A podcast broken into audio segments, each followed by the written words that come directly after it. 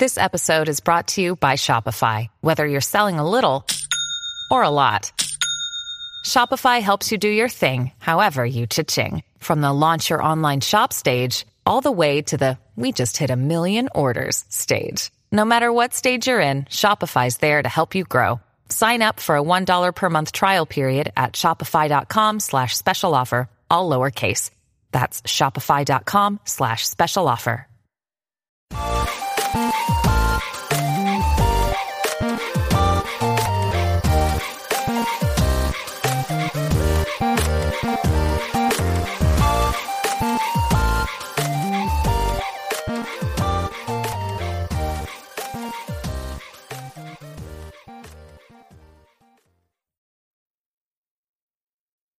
Welcome back to another episode of Daily Fortnite, your daily podcast about Fortnite. I'm your host, Mikey, aka Mike Daddy, aka Magnificent Mikey.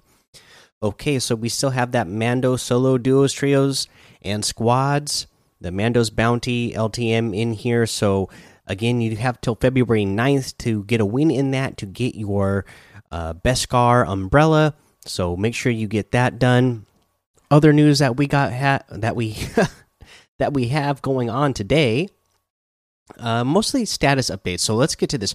Uh, something that we didn't mention yesterday. So with the version 15.30 update, uh, this is the update where they were supposed to be updating the boundless set. So this those superhero skins, so that that uh, you wouldn't be able to make them all one solid color like black or green so that they would be hard to see in certain areas of the map.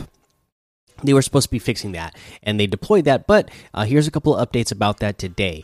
In the version 15.30 update, we made a change in creative that forced. Oh, sorry, that's not the one. Where, where is the one that I want to read? We will get to that one uh, as well, but where did it go? Oh my goodness. I lost my thing. Well, basically, uh, what happened is they had to remove the boundless set from competitive. Let me see if I can find it in in here. No, I don't see it here either. Ah, here it is. Due to an outstanding issue with the boundless set, we are temper uh, we are temporarily disabling these outfits from competitive player.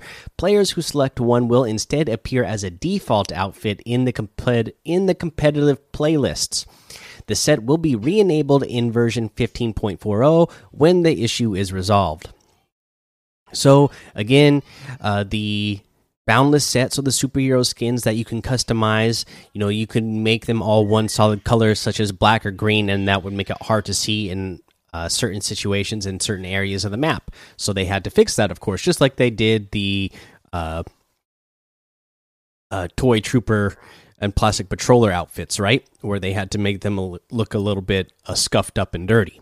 So they're doing something to update this. Unfortunately, it's still not working correctly, so they're taking it out of um, competitive altogether right now. So you will just appear as a, a, default skin if you select that and try to play in a competitive match.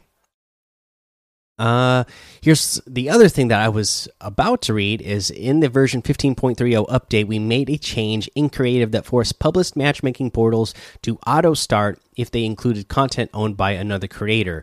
We've decided to revert this change. This was causing some unintended issues with certain creative experiences. We have disabled this feature and will reevaluate it talking to the community for feedback to find the right solution. As a reminder, all hubs are required to use auto start. Uh, so yeah, there is that as well. And don't forget, uh, I should mention as well that boundless set. Don't forget that that is something that you can now use a refund token for and uh, get get it back, or it won't cost you a refund token to get a refund on the bound, boundless set when they are uh, because of this update. So do that if you you know really uh, are not happy with the change for the boundless set items. Uh, let's see here. Other than that, I believe that's all I had for news. Let me take a quick look. Yes, that's all I got for you for news. Uh,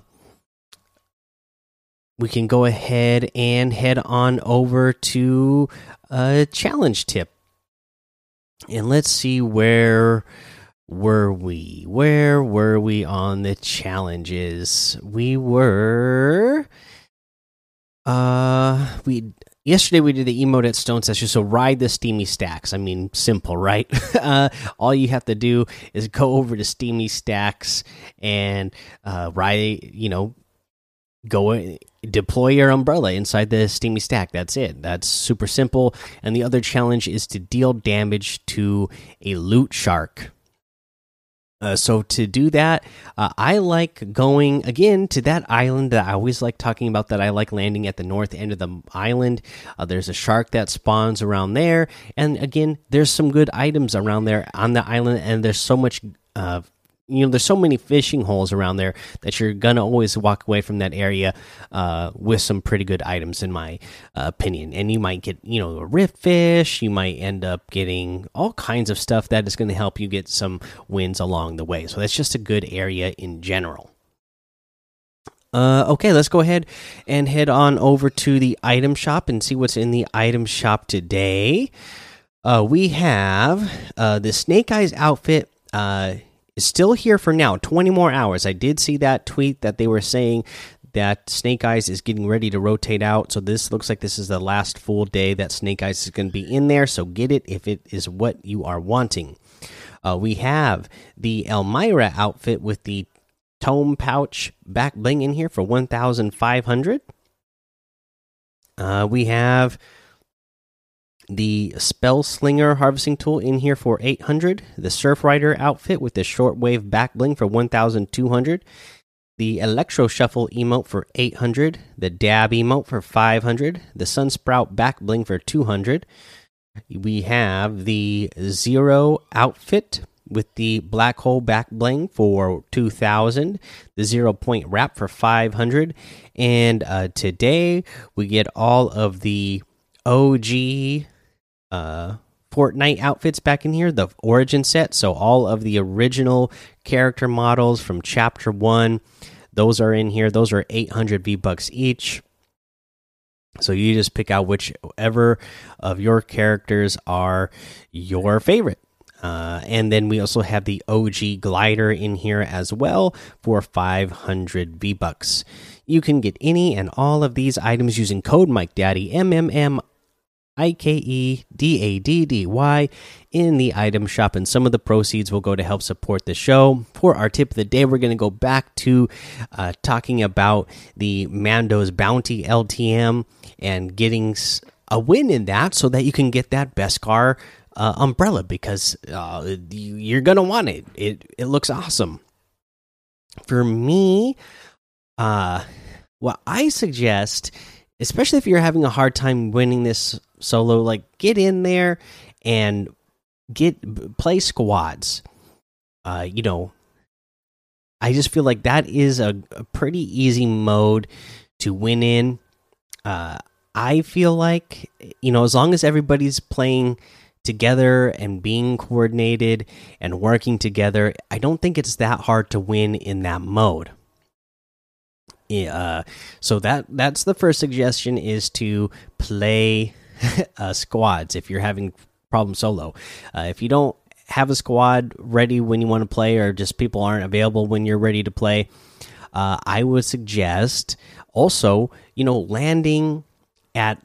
Here's a couple places I would land: Slurpy Swamp because you can get uh, health and shield really fast right? And don't forget that you know you have three spawns. So if you're getting eliminated in that area, you're going to be able you, when you respawn. It looks like from what I what I can tell you respawn from where you got eliminated around the same area. So if you get eliminated while you're at Slurpy Swamp, you're going to be able to just drop straight back down there and then get more shield again so that you'll be ready for the next battle. You know, or another place you can go, uh, Craggy Cliffs, and get shield from the slurp barrels at the very beginning of the match again. You're only going to be able to do that once though. uh, if you get eliminated, you're not going to get that that benefit. Uh, because there's not enough slurp there to uh, refill multiple times like there would be at Slurpy Swamp, especially with Slurpy Swamp having the shield, you know, the Slurp River there uh, that you can get shield from. So I would go uh, to that area uh, to make sure that you can always replenish your shield easily, and then you know making sure that you're always checking your uh, bounty puck thing and going after the people who have the bounty on them.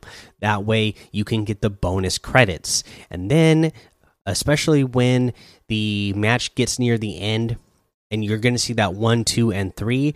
Obviously, those players who are in those positions are probably a little bit better players, right? But you need to be aggressive. You need to go after them uh, and take them out uh, and get the get their get their credits. Uh, it, it's you could try to go after the other people, but if you're too scared to go after them because they're going to be good, then they're going to end up just getting some more eliminations, and then they'll you know they'll end up winning. So you got to go after them. You got to put the pressure on the people who are in first second and third place.